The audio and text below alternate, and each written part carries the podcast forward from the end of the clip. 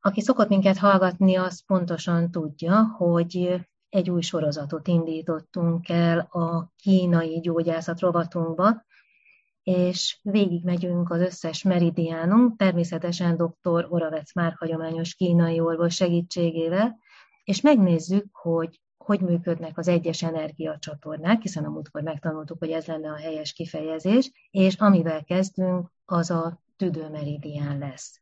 Természetesen a vonalban dr. Oravec már hagyományos kínai orvos szeretettel köszöntöm.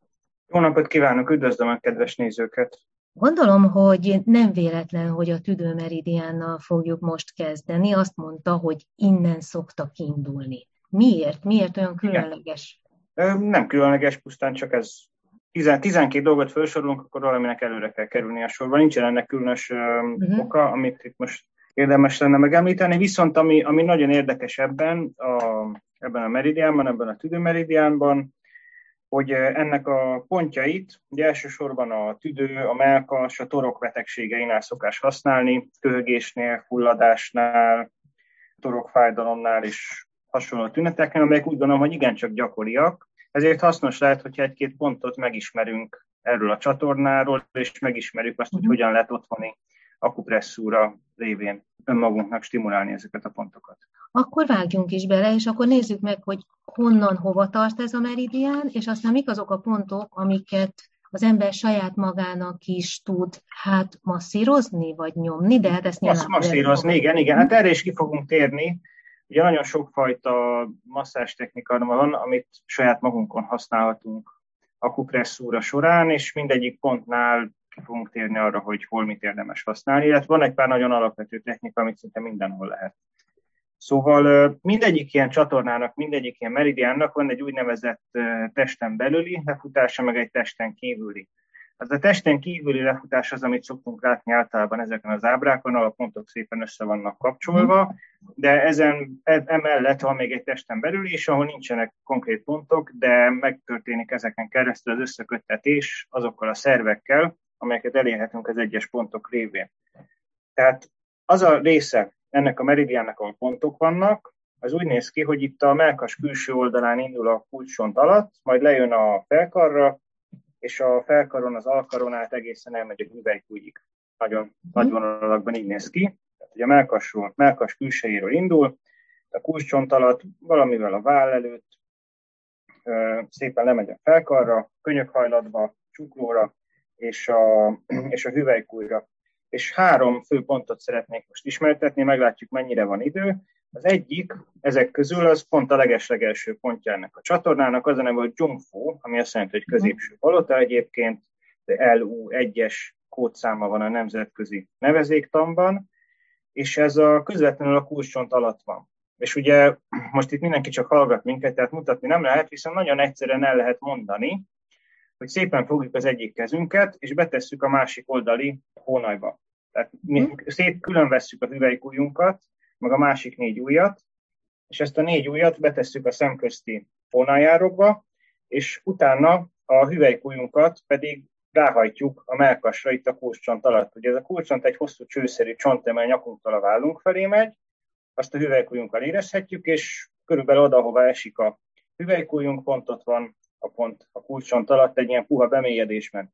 Mindegyik akupontnál akkor tudjuk, hogy jó helyen járunk, hogyha amikor erősebb nyomást fejtünk ki rá, akkor egy ilyen szétterjedő, bizsergő nyomást, sajgást, feszülést érzünk. Tehát ezek a pontok mind fokozottan érzékeny pontok, és egyfőle teljesen normális, hogyha sajgást érzünk, az egyáltalán nem valami rossznak a jele, és az is a cél, hogy legyen egy valamilyen érzet. Tehát akkor, hogyha ezeket a pontokat csak úgy simogatjuk, és nem érzünk semmit, akkor biztos nem lesz hatás sem, nem lesz inger sem, ami kiváltódik. Tehát ezt a pontot egyébként köhögés fulladás tünetének csillapításában szokás alkalmazni akupunktúrában, de az akupunktúrás tűzszúrásnál egy enyhébb ingert ki tudunk váltani saját magunkon. És akkor jó, hogyha érzünk egy ilyen melkasba sugárzó sajgást, feszülést, ahogy ezt nyomkodjuk, Uh-huh. És a legtöbb pontot úgy érdemes nyomkodni, hogy most a hüvelykújjal tapítottunk rá erre a kulcsont alatti pontra, ugye a többi négy ujjunkat uh-huh. betettük a hónajárokba, majd itt fölül a kulcsont alatt a hüvelykújjal tapintjuk ezt a pontot,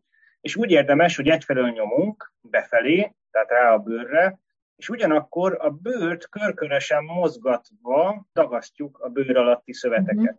Tehát azt még nagyon fontos tudni, és ezt a múltkor is mondtam, hogy ezek ugye nem feltétlenül csak egy-egy pötty-szerű pontok, hanem ezek ugye, hogyha kínai kifejezést lefordítjuk, akkor ezek üregek, tehát ezeknek van mondjuk egy ilyen 5 forintos, 10 forintos nagyságú bejárat, és akkor ott van mélysége.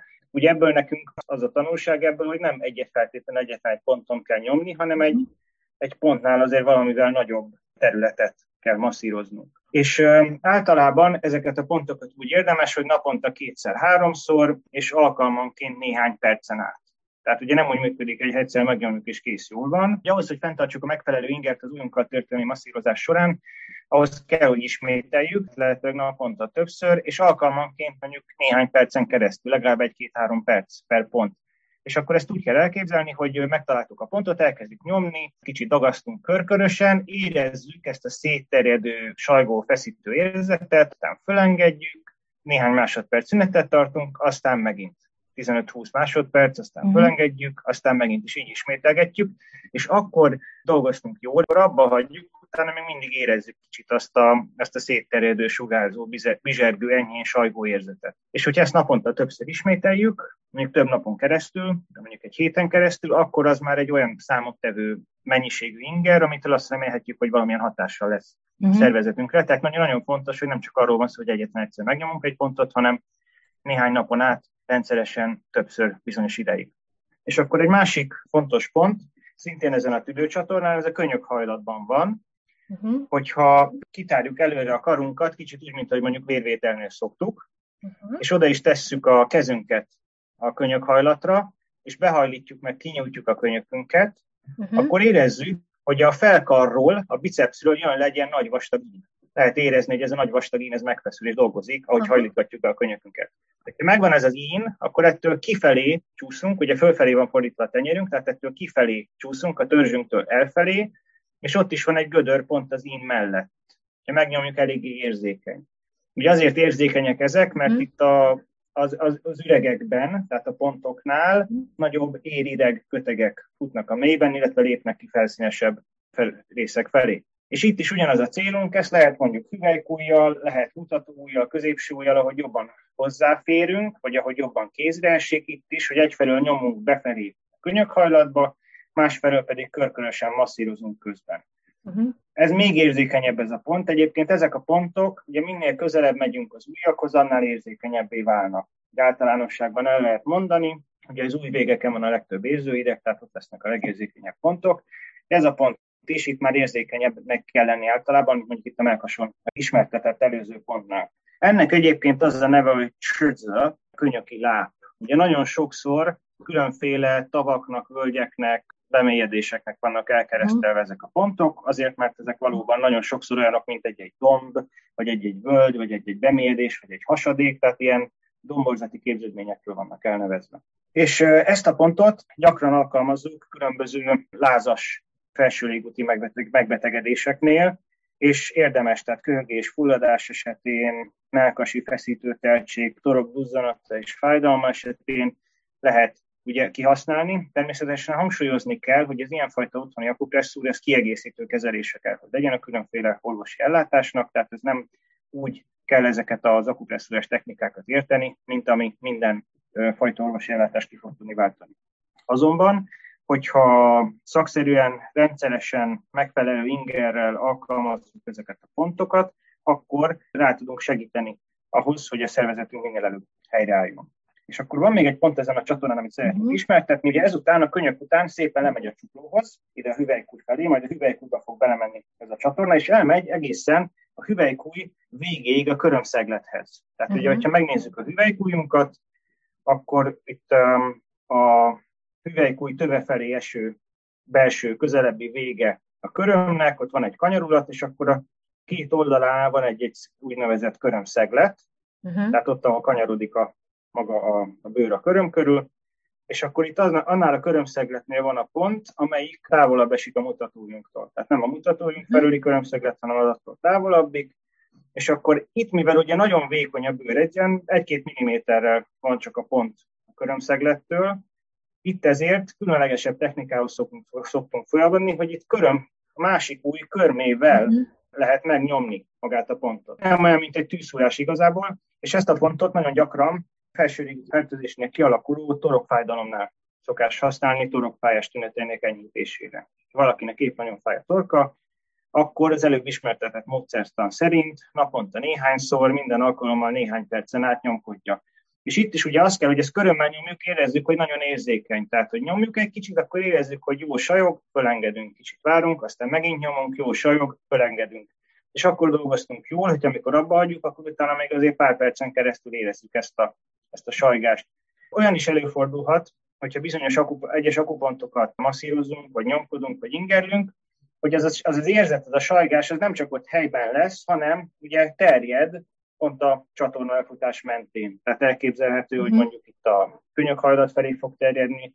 Főleg, hogyha végignyomkodjuk mondjuk ezt a három pontot, amit most mondtam, akkor ugye a tüdőcsatornának nem csak az utolsó pontját, meg az első pontját, hanem az egyik középső nagyon fontos pontját is nyomkodjuk, Ilyenkor, hogyha jól dolgoztunk, akkor lehet olyan érzet is, mint hogyha az egyik pontból a másik felé áradna az érzet. Ez gyakorlatilag megelőzésre is használható? Ugye most pont ez a Covid-tól függetlenül is ez a téli időszak, a különféle megfázások, influenza időszaka, ugye látjuk, hogy az Omikron is pontosan ezekkel a torokfájós tünetekkel jelentkezik.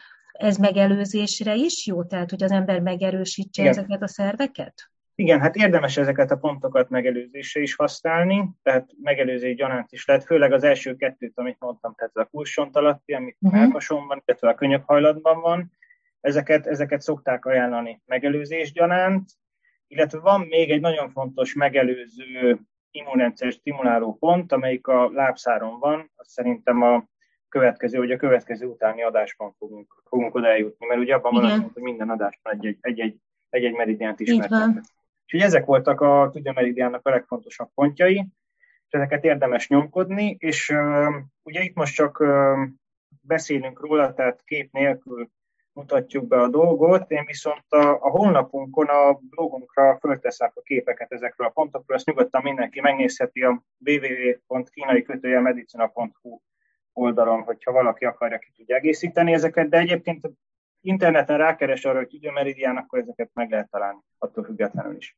Így van, és egyébként a Civil Rádió podcastjában viszont ezek a beszélgetések meghallgathatóak bármikor, és ott a szövegben pedig közvetlenül rá lehet kattintani a linkre, és akkor nem is kell nagyon keresgélni, hanem át lehet menni erre az oldalra. A tüdőmeridián az, ugye mondta, hogy végig megy a kezünkön, ez csak az egyik oldalon fut végig?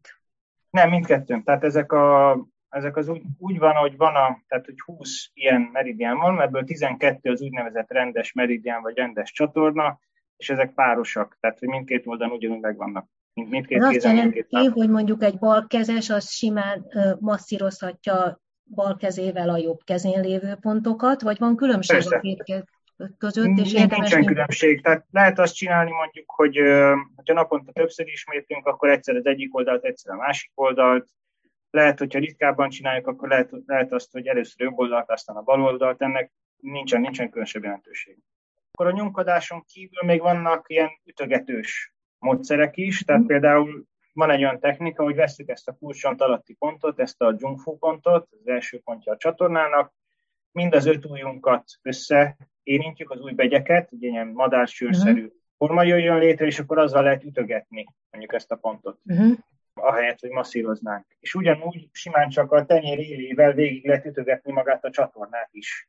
Vagy össze is lehet kombinálni ezeket, tehát mondjuk, hogy végig nyomkodjuk az egyes pontokat, és utána még végig ütögetjük az egészet. És ugye ilyenkor mindig az a cél, hogy egy ilyen egész felkart, vagy az egész uh-huh. csatornát átjáró, szétterjedő érzet jöjjön létre gyakori egészségmegőrző módszer Kínában, hogy az emberek reggelente, aki szereti ezt csinálni, az végigütögeti a bizonyos pontokat, bizonyos csatornákat.